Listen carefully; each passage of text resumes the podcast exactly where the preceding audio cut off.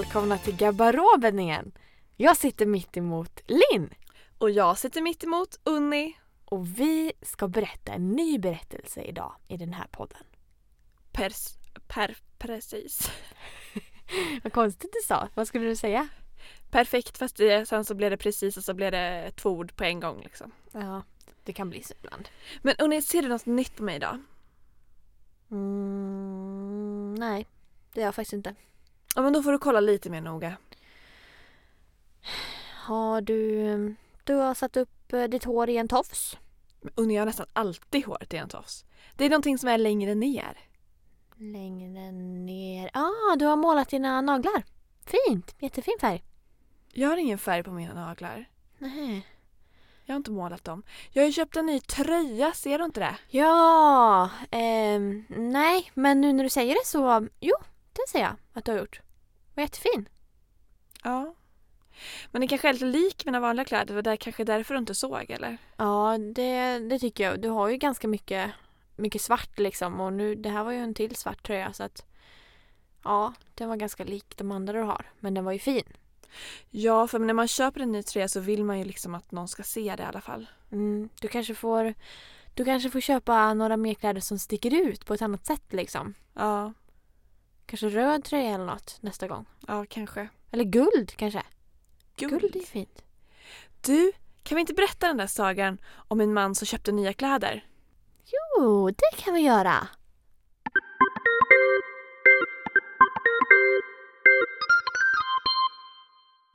Det var en gång en kejsare som tyckte väldigt, väldigt mycket om kläder.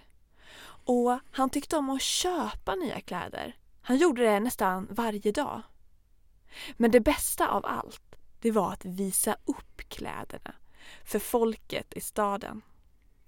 En dag knackade det på kejsarens dörr. Det var några syexperter som stod utanför. Och de erbjöd kejsaren att sy upp några nya fina kläder till honom. De sa så här. Vi kan sy upp de finaste kläderna i staden åt dig och dessutom har de en specialfunktion. Du förstår att det är så att om man har är dålig på sitt arbete, ja då ser man inte kläderna. Och då vet du ju om du har bra tjänstefolk eller dåligt tjänstefolk. Kejsaren tyckte att det här lät som en otroligt bra idé. Då kunde han ju se ifall det var någon av hans personal som inte kunde sitt jobb. Och så ville han ju såklart ha de finaste kläderna som någonsin hade sytts. Så han frågade experterna vad de behövde för material för att kunna sy upp de här fina kläderna. Ja, ja men vi behöver lite guldtrådar och silvertrådar och gärna diamantknappar och guldpengar för att kunna köpa det bästa och det bästa. Så kejsaren gav dem både guld och silvertrådar, diamantknappar och guld så att de kunde köpa ännu bättre material. Och experterna började sedan att jobba. De fick ett alldeles eget rum i kejsarens hus och de satte sig för att sy de allra finaste trådar. De sydde med guldtrådarna, de sydde med silvertrådarna och de sydde in diamanterna. Nej, nej Linn. Det var inte så det gick till. Alltså de, de lurades ju bara. Grejen var ju den att alla grejer de fick, silvertrådar, och guldtrådar och diamantknappar och så här. Allt det la de ju i sina egna fickor och tog. Och sen så sydde de bara på låtsas hela tiden. Var de tjuvar så att de tog det som de hade fått och lögnade så att de sa att de sydde. Precis, och så sydde de bara i luften. De liksom klippte så här kan man säga. Bara i luften. Och så trodde folk att jaha, nu klipper de, klipper de tyg. För att det var ju ingen som såg tyget. Men man ville ju inte berätta att man inte såg tyget. För om man gjorde det så dög man ju inte till sitt arbete. Just det. Så där inne satt experterna och sydde och klippte och sydde och klippte. Fast egentligen fanns det inte ett endaste tyg. Efter flera dagar och nätters arbete var kejsaren så nyfiken på att få se det nya tyget, eller att i alla fall få reda på hur det hade gått. Så han bad en av sina tjänare att besöka experterna. När tjänaren öppnade dörren blev han alldeles förvånad. För han såg inte ett endaste tygstycke. Och han tänkte Är det så att jag inte duger till mitt arbete när jag inte ser detta tyget som de har sytt? Det er ikke så det kan være, for jeg er en bra tjenere til keiseren. Jeg måste hitta på noe annet å gjøre om jeg ikke ser tyget. Jeg får ljuge. Jeg får si at jeg ser tyget. Så istället sa tjänaren Det er et sånt fint tyg ni har gjort. Jeg har aldri sett noe så vakkert, og det er som at disse gulltrådene skiner som solen, og diamantknapparna, det er så vakkert.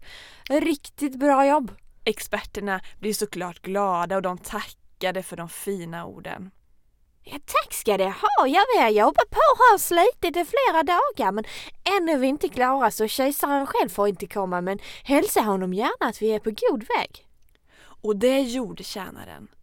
Han sa till kejsaren att det var det finaste tyg han någonsin sett. Och kejsaren blev glad och nöjd med svaret. Experterna jobbade på och de jobbade dag och natt och dag och natt och dag och natt och till slut så sa de till kejsaren att de var klara. Och kejsaren var väldigt, väldigt, väldigt, väldigt nyfiken. Och när han öppnar dörren och kommer in så säger han Det är ett jättefint tyg ni har gjort. Åh! Vadå? Så var det inte Unni. Va? När kejsaren kom in i rummet så såg ju inte han någonting heller. Nej, just det. Han sa ju bara så för att han ljög i så fall. Ja, men han sa inte så direkt för han var tvungen först att tänka ut vad han skulle säga. Just det. När kejsaren kom in i rummet så blev han alldeles, alldeles tyst. Och han tänkte Jag ser inte tyget. Tänk om det är så att jag inte duger till mitt arbete som kejsare. Nej, nej, nej, så kan det inte vara. Jag menar, jag har ju varit kejsare i många, många år. Jag måste komma på något. Ja, ja, jag får säga att jag ser tyget.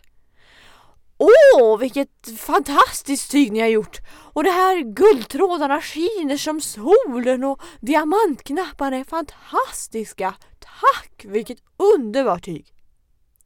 Experterna tackade för berömmet och sen hjälpte de att ta på kejsaren de nya kläderna. De tog ner en galge där det hängde ett par byxor, eller ja, det hängde ju inga byxor på galgen, men de sa det.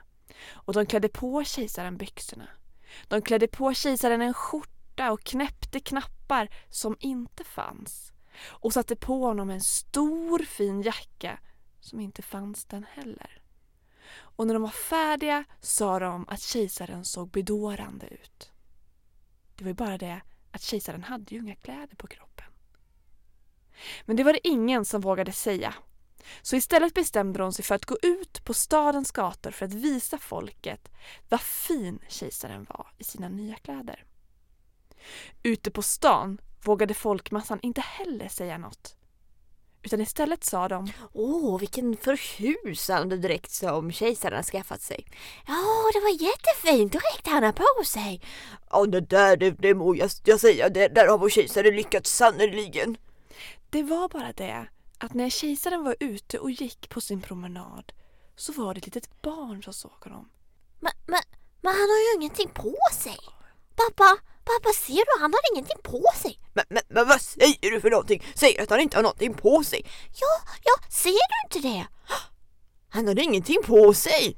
Kejsaren har ingenting på sig. Kejsaren är naken. Kejsaren är naken! Och till slut började hela folkmassan förstå att kejsaren faktiskt var naken.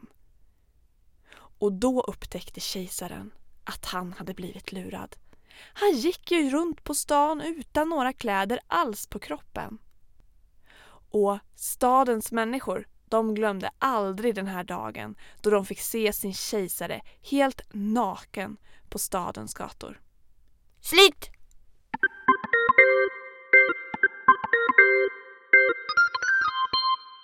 Alltså, en sak jag inte fattar med den här sagan det är hur kejsaren inte kunde förstå att han var naken. Mm, det är lite konstigt faktiskt.